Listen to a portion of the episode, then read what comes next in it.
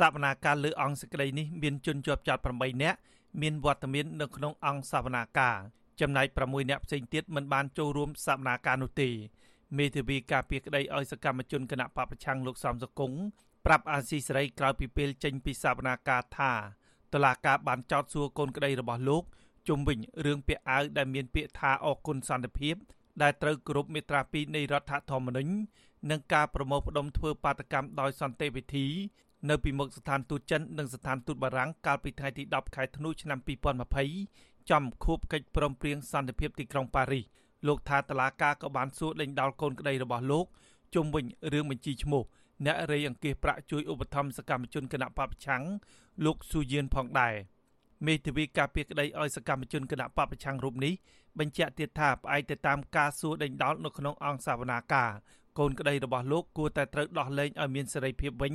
នៅថ្ងៃប្រកាសសារក្រមខាងមុខនេះក៏ប៉ុន្តែលោកហាក់មិនមានសង្ឃឹមថាពួកគាត់នឹងត្រូវដោះលែងនោះទេព្រោះសំណុំរឿងនេះជាប់ពាក់ព័ន្ធទៅនឹងរឿងនយោបាយជារឿងនយោបាយយើងឃើញហើយកន្លងមកហ្នឹងបទពិសោធន៍ហ្នឹងគឺគម្រនៅតឡាការធ្វើតាមការស្នើសុំរបស់ មេធាវីឬក៏គប់អីហើយបើសិនជាយើងមើលអង្គខេត្តជាក់លាក់ហើយនឹងផោះតាងបើសិនជាមិនពាក់ព័ន្ធនឹងរឿងនយោបាយគឺខ្ញុំគិតថាក្រុមស្អីនេះត្រូវបានទទួលបាននូវធម៌វាទៅគឺបានដូចប្រតិបត្តិចោលតែថាវាអត់មានអង្គមានផោះតាងណាពាក់ព័ន្ធសំណុំរឿងនេះមានជនជាប់ចោតសរុបចំនួន14នាក់ក្នុងនោះ8នាក់កំពុងជាប់ឃុំនៅក្នុងពន្ធនាគារខេត្តត្បូងឃ្មុំនិង6នាក់ផ្សេងទៀតកំពុងរត់គេចខ្លួនក្នុងចំណោមអ្នកជាប់ឃុំទាំង8នាក់នោះមាន6នាក់ ជាសកម្មជនគណៈបពប្រឆាំងមានជាអាចលោកស៊ូយៀនលោកម៉ាក់សំអាន និងលោកស្រីខនតនចំណែកពីរអ្នកផ្សេងទៀតពួកគេជាតំណាងសហគមន៍កសិករនិងសកម្មជនដីធ្លី រួមមានលោកផុនសុផល និងលោកសែមចំណានតឡាការបានចោទប្រកាន់ពួកគេផ្សេងផ្សេងគ្នា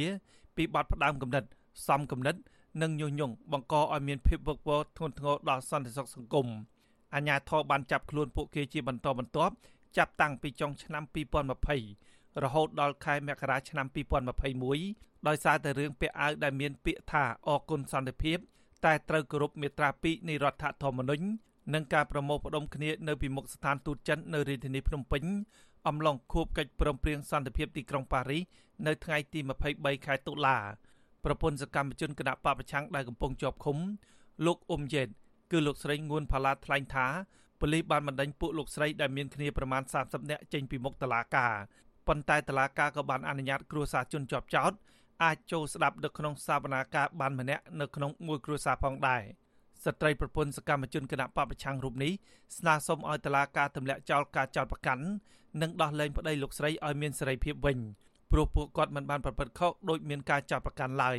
ម្យ៉ាងវិញទៀតប្តីលោកស្រីក៏កំពុងមានជំងឺប្រចាំកាយដូចជាជំងឺលើឈាម ជំងឺកាពះជំងឺសើស្បែកដែលត្រូវការយកចិត្តទុកដាក់ពីក្រុមគ្រួសារ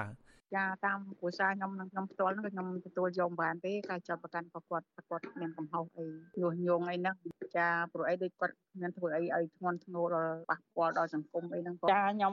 ព្រួយបារម្ភមែនតែនព្រោះឃើញប្រកសាច់ច្រើនណាស់កោមិនធ្លាប់គាត់នៅពន្ធនាគារហ្នឹងគាត់ទៅជាឡើងឈាម ធ្វើទុកផ្ទះខ្លាំងចុកកើតលមាស់ចឹងហើយបើគាត់រស់នៅក្នុងពន្ធនាគារយូរទៀតសុខភាពគាត់មិនអាចទ្រាំទ្របានទេគាត់មានអាយុច្រើនហើយ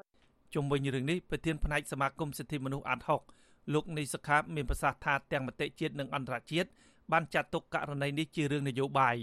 និងទាមទារឲ្យអាជ្ញាធរដោះលែងពួកគេឲ្យមានសេរីភាពវិញលោកបញ្ជាក់ថាការចូលរួមសកម្មភាពនយោបាយគឺជាសិទ្ធិស្របច្បាប់របស់ប្រជាពលរដ្ឋបា នយើងតែងតែទទូចឲ្យតុលាការហ្នឹងទម្លាក់ចោលរាល់ការចោទប្រកាន់ទាំងអស់ហ្នឹងហើយរាជរដ្ឋាភិបាលដែលដឹកនាំដោយគណៈបកកណ្ដាលអំណាចបច្ចុប្បន្នហ្នឹងគឺថាងាកទៅរកការចរចាដោះស្រាយចំនួននយោបាយដើម្បីសម្របសម្រួលខាងផ្លូវនយោបាយហ្នឹងប្រសើរជាជាងយើងយកប្រព័ន្ធតុលាការដើម្បីមកធ្វើការករណីដែលពាក់ព័ន្ធនឹងរឿងនយោបាយបែបហ្នឹងដែលធ្វើឲ្យការមើលឃើញអំពីបញ្ហានៃការធ្លាក់ចុះនៃប្រព័ន្ធយុត្តិធម៌របស់យើងហ្នឹង ចាប់តាំងពីដើមឆ្នាំ2020មកដល់ខែមិថុនាឆ្នាំ2021នេះអាជ្ញាធររបបលោកហ៊ុនសែនបានចាប់ខ្លួនសកម្មជននយោបាយសកម្មជនបរិស្ថានព្រះសង្ឃខ្មែរថាវរៈសកម្មជនសង្គមនិងក្រុមយុវជនចំនួនជិត80នាក់ហើយដាក់ពន្ធនាគារតឡាការបានចោទប្រកាន់ពួកគេពីបទរួមគំនិតក្បត់ញុះញង់និងបទប្រមាថថ្នាក់ដឹកនាំដែលជាការចោទប្រកាន់ពេញនិយមរបស់ព្រះរាជអាជ្ញាហើយត្រូវបានក្រុមអ្នកការពារសិទ្ធិមនុស្សមើលឃើញថាជាការចោទប្រកាន់តាមទំនឹងចិត្ត កាលពីឆ្នាំ2020តឡាការខេត្តត្បូងឃ្មុំ